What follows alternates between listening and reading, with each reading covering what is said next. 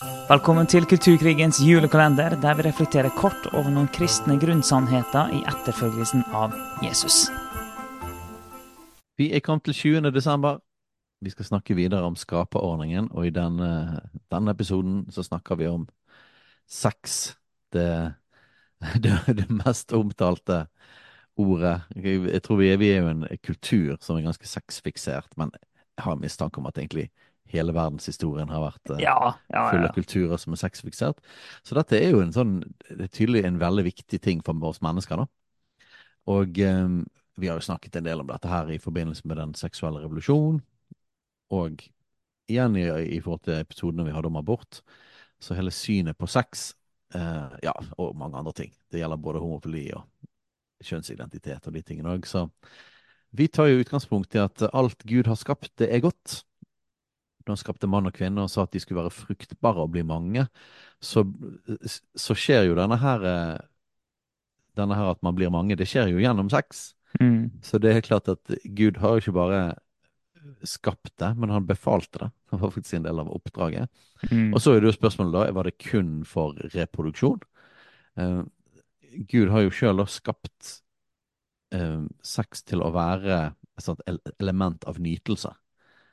Eh, er, det, er det fordi at det er positivt i seg sjøl, eller er det fordi at eh, det var for å lokke mennesker til å gjøre den viktige jobben å lage flere barn?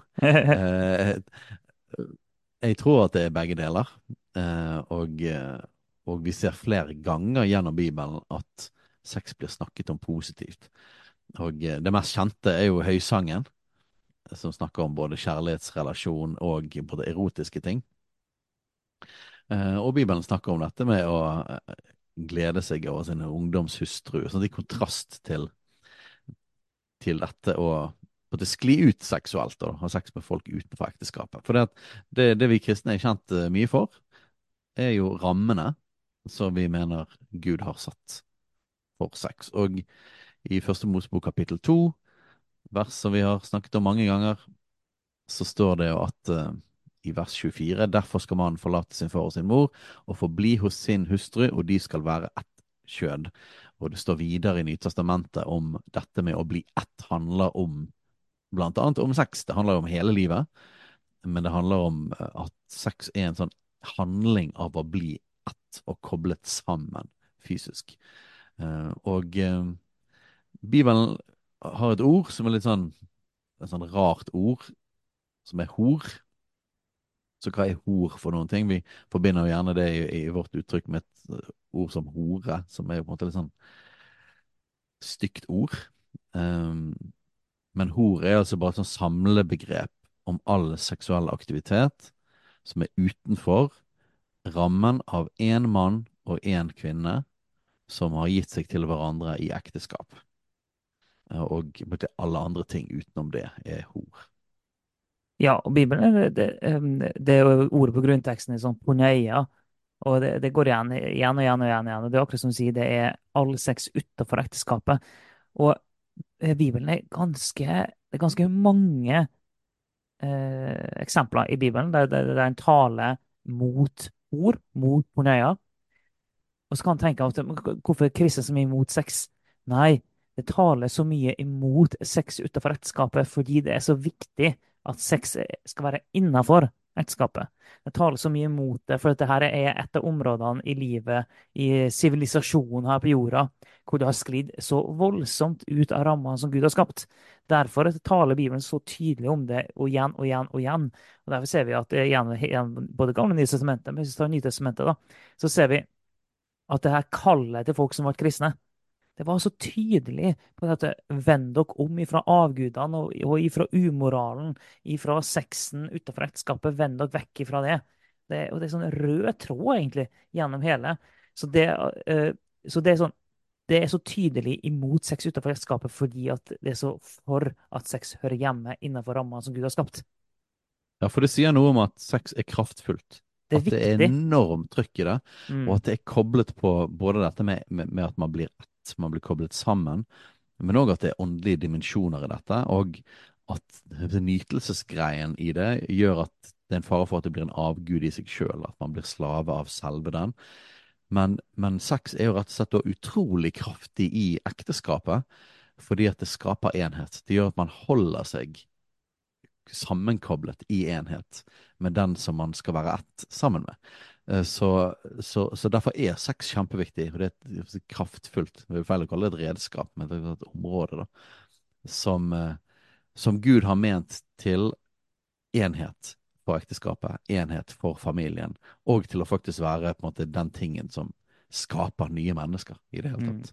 Mm. Mm. Og de mest kraftfulle, mest fantastiske tingene er òg de tingene som kan bli mest forvrengt og ødelagt. Eh, og sånn er det med mange andre ting òg. Men det betyr egentlig bare at dette er fantastisk, og det er, potensielt sett farlig for å ødelegge sin egen sjel. Eh, og, og, det vil få ting vi syns er verre. Sånn at utenom drap og tortur, så er det vel voldtekt og seksuelt misbruk men kanskje noe av det vi på en måte syns er mest grusomt av alt. Og det er jo fordi at sex på feil måte påført noen eh, har har dype eller sånne implikasjoner. Og, og det, sånn sett så bekrefter jo det til og med i vårt sekulære samfunn, der vi sier på en måte at sex er på en måte liksom eh, sånn casual ting som alle mulig kan bare ha med, med, hverandre, og det er bare en fysisk ting, så mener vi egentlig ikke det likevel. Og det viser jo lovverket vårt. Mm. Hadde det vært ubetydelig, så hadde ikke voldtekt vært noe problem, eller seksuelt misbruk vært noe problem. Men det nett, i, i, det så erkjenner vi at dette her er kraftfulle saker eh, som trenger rammer av beskyttelse. Det kan ikke bare være frigjort fullstendig, men det, men det trenger gode rammer. Ja, altså voldtekt straffes hardere enn um, et slag i ansiktet. Mm. Fordi det er forskjell på det. Uh, og, og, det er, og, det er, annerledes altså, i, Og i sexen så er vi, vi er inni hverandre. Altså alt med det er annerledes. Det er tettere, det er nærmere. Uh, og det betyr mer. Og uh, jeg tenkte på i forhold til det, det, det her sånn Hva med nytelsesaspektet? Eh, skal kristne bare ha sex for å få barn? Det er det jo Krist opp gjennom historien som har ment. At sex er bare OK lenge, når, det, når det, hensikten er å lage barn. Og, det, og her vil, vi, vil, jeg jo si to ting. da. Det ene er at eh, skal en tenke kristent om det, så kan en ikke ha sex løsrevet ifra tanken om at sex kan føre til barn. Det kan en ikke. Mm. Og da må vi tilbake til forrige gårsdagens episode om barn og hvor viktig det er. og sånne ting også. At det her, det her henger sammen. Men eh, det er flere grunner til at dette, jeg vil si det at det å ha sex sammen med sin ektefelle, og det er et bånd mellom en, og det er helt innafor å gjøre det for nytelsens skyld eh, en, av de tingene er jo bare det enkle faktum at eh, Gud har av en eller annen grunn, kanskje på grunn av det her, skapt kvinnen sånn at hun er bare fruktbar noen dager i måneden. Det, ikke, det, det vinduet hvor hun er fruktbar, er ikke veldig stort. Det er faktisk, så det er flere dager hvor kvinnen er ufrukt, eller ikke kan bli gravid, da, enn når mm. du kan bli gravid. Så du har flere dager å ha nytelsessex på enn du har dager å ha reproduksjonssex, for å si det på den måten. Ja, og, og, nettopp fordi at sex og barn er så koblet sammen, så er jo igjen ekteskapet den enormt trygge rammen for sex. Mm. Det både skaper enhet, altså man gir seg til hverandre, det er en sjelelig kobling, det er en fysisk kobling, og så når vi har verdien av at barn er en velsignelse, så er det på en måte ikke i hermetegn farlig heller. For det er òg positivt. Ja, sex er positivt, og barn er positivt. Mm. Eh, så, og, og, det er litt sånn imot kan du si, måten man tenker i den seksuelle revolusjonen, at nytelsessex er positivt med så mange som mulig, mens barn er negativt. Og da, da har man på en måte brutt, eh, skilt noe som fra Guds side skulle egentlig bare henge sammen.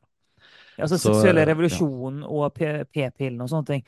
En eh, eh, sier jo ofte at det skilte sex og reproduksjon. Mm. At det var sånn eh, eh definitivt skille mellom sex og reproduksjon. Og der ville vi si at det å lage det skillet mellom sex og reproduksjon, da må vi kristne ha tunga rett i munnen i hvordan vi tenker. Ja.